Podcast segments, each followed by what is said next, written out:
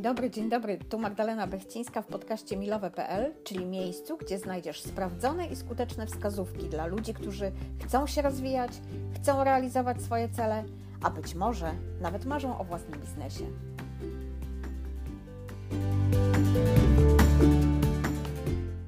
To już piąty odcinek i jeżeli nagram go do końca, to właściwie będzie można powiedzieć, że pierwszy tydzień eksperymentu już jest za nami.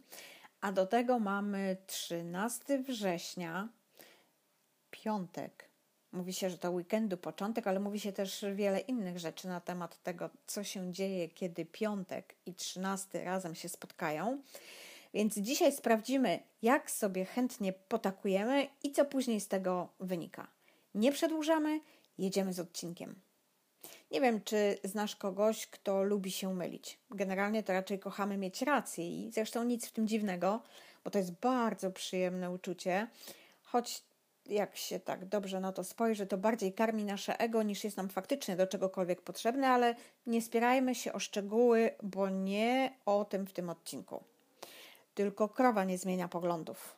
Tak też chętnie mówimy ale zwykle wtedy, kiedy wprowadzenie e, zmian jest dla nas bardzo korzystne.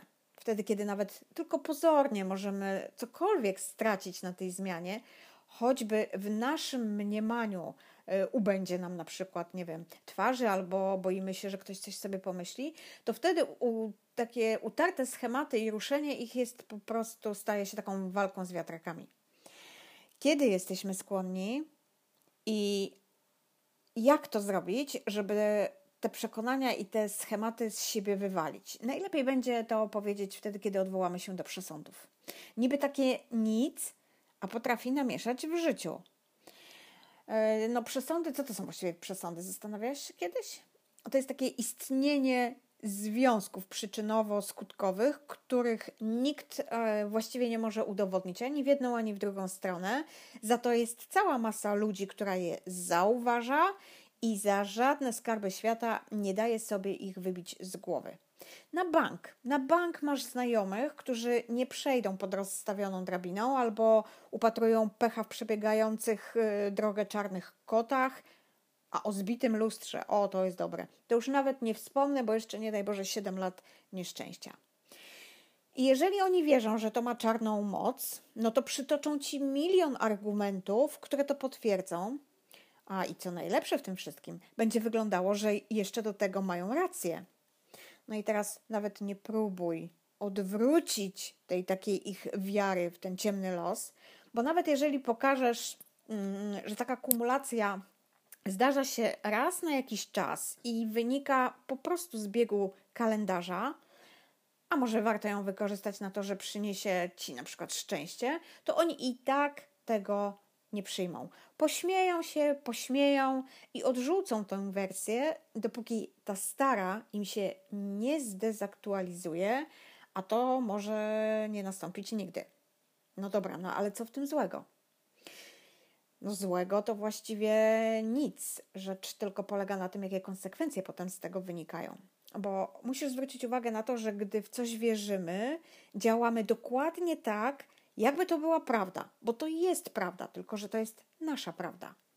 Jeśli przyzwyczajimy się do jakiejś starej, mm, czasem nawet w dzieciństwie e, zasianej myśli, a już nie wspomnę o tym, że bardzo często te myśli są nieprawdziwe, przynajmniej potem w życiu dorosłym, ale tak mocno się do tego przywiązujemy, że one zaczynają decydować o tym, jacy jesteśmy, co jest dla nas możliwe, co można zrobić, czego się absolutnie nie da.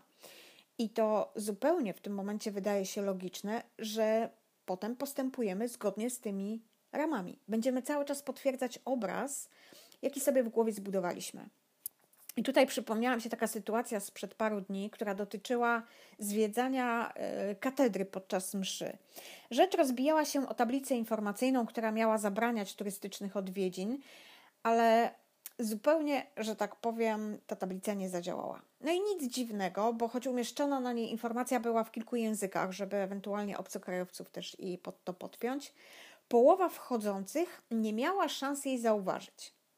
Padały różne pomysły, jak to rozwiązać, by uniknąć e, takich trudnych, mm, trudnych albo nieprzyjemnych sytuacji.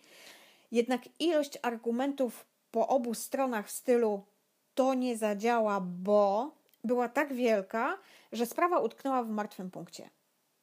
Ani jednej podjętej próby przetestowania, co z tych pomysłów faktycznie zdaje egzamin, a co nie. Wszyscy byli z góry przekonani, że dokładnie wiedzą, jaki będzie efekt. To, do czego chcę Ci dzisiaj namówić, to żeby trafiając na takie sytuacje, w której zaczynasz wbrew logicznym argumentom bronić swojego stanowiska bez sprawdzenia go, bez zweryfikacji, to zrób sobie taką szybką pauzę i sprawdź, czy to, co myślisz w tym temacie, jest tym czymś, co cię wspiera, czy w tym momencie cię ogranicza. A może po prostu chroni cię przed czymś, co wydaje ci się trudne, niebezpieczne albo wywalające z tak zwanego ciepełka i może sprawić, że trzeba będzie zmienić zdanie.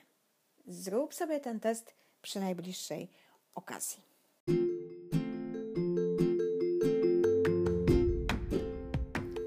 Już wszystko na dziś. Będzie mi całkiem sympatyczne, jeśli podzielisz się tym podcastem z kimś, kogo lubisz. Możesz też zrobić screen i zamieścić w mediach społecznościowych z oznaczeniem profilu Lubię Planować, a tymczasem dziękuję za dziś, dziękuję, że jesteś i do odsłuchania przy kolejnym podcaście.